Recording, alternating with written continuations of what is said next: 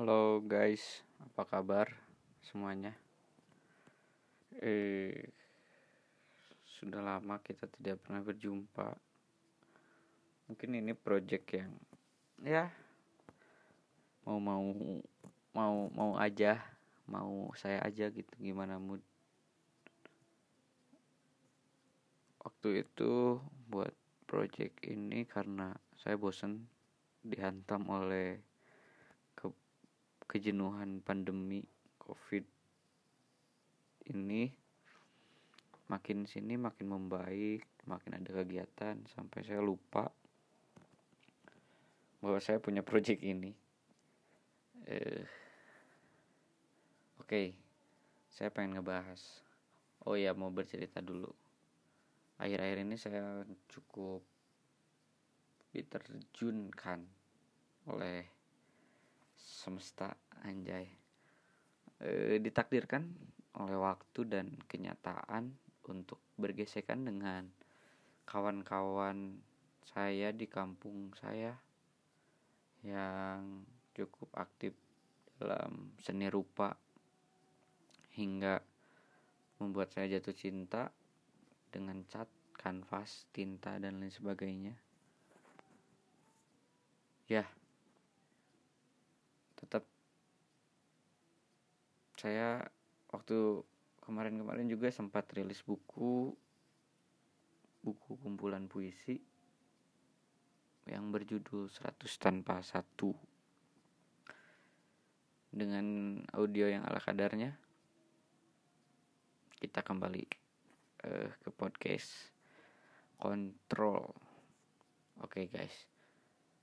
Guys anjay akan kembali. Saya bukan kembali saya saya di kali ini pengen ngebahas kata apa itu kata bagi saya. Menurut saya kata adalah senjata. Bukan menurut saya sih. Kata adalah senjata. Namun kata dapat diperkosa oleh saya mungkin oleh kalian juga. Orang bisa bersiasat dengan kata, orang bisa berbohong, atau orang bisa mengungkapkan kejujurannya melalui kata. Kata adalah mungkin untuk zaman sekarang kata masih menjadi eh apa ya istilahnya? Kata masih menjadi satu hal yang membuat seseorang bisa hmm, bisa mengungkapkan apa yang dia rasakan apa itu jujur atau bohong melalui kata orang itu bisa mengungkapkan perasaannya. Selain dari kata muncul beberapa dari kata bisa jadi kalimat. Dari kalimat mungkin bisa menjadi sajak bisa menjadi puisi. Lalu apa puisi bagi saya? Puisi adalah cinta yang puisi adalah cara kita berjatuh.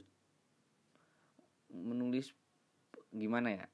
Puisi adalah cara kita men, merasakan jatuh cinta berulang kali. Setiap kita menulis satu puisi kita sedang berjatuh kita kembali jatuh cinta. Merasakan rasa merasakan apa itu rasanya jatuh cinta begitu seterusnya. Menulis satu puisi kita merasakan jatuh cinta. Menulis lagi hingga pada akhirnya seorang aku saya dan apa pun itu sebutannya ketika mencoba menulis puisi dia akan merasakan jatuh cinta kembali. Entah itu jatuh cinta kepada apa yang ia imajinasikan untuk menulis puisi itu atau kesakitan yang membuat dia menulis puisi itu dia akan merawat hal-hal di luar dirinya untuk puisi itu tadi jika ada puisi dan kalimat kata apa pun itu hingga pada akhirnya bisa dikatakan seni seni bagiku bagi saya Seni adalah karya pertama dari seorang sufi. Orang yang bisa menyatukan dirinya bisa berpasrah dirinya ia adalah seorang seniman. Sufi adalah seniman sejati gitu. Orang sufi karya adalah hasil dari buah seorang sufi. Karya pertama dari seorang sufi. Jika kita seni jika kita seniman menghasilkan sebuah karya maka seni itu adalah karya dari seorang sufi. Orang sufi selalu menjadi sufi adalah ya orang yang berpasrah kepada keadaan kepada Tuhan.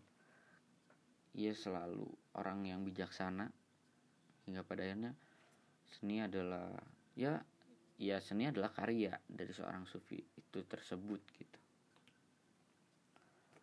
tidak akan terlalu panjang ya saya membahas ini. Tapi saya pengen membaca satu puisi yang cukup cukup mungkin untuk menutup menutup yang yang puisi ini akan ada di eh, di apa di buku kedua saya. Semoga aja ya. Saya akan membacakan puisi yang berjudul proses membunuh waktu. Begini saja. Cinta atau apa, buta atau bagaimana, mati dibunuh atau bunuh diri, selamat tapi terlambat, atau cepat tapi tamat. Mulai disembelih itu waktu. Bismillah, Allahu Akbar. Ucap si ahli jagal. Manusia kehilangan arah sehari setelah dinyatakan bahwa waktu telah mati. Tidak ada lagi atau antara cinta dan apa. Buta dan bagaimana, mati dibunuh atau bunuh diri, selamat tapi terlambat, dan cepat tapi tamat. Sajak ini pun turut mati, ditikam oleh hati yang berapi-api. Ya mungkin. Ya saya udah lama ini nggak ngetek podcast tapi moga moga ada yang dengerin ya. Ya begitulah. Terima kasih ke semuanya. Stay tune. Anjay nggak deh. Ya bebas lah mau didengerin mau enggak yuk selamat siang selamat pagi selamat malam semuanya. Terima kasih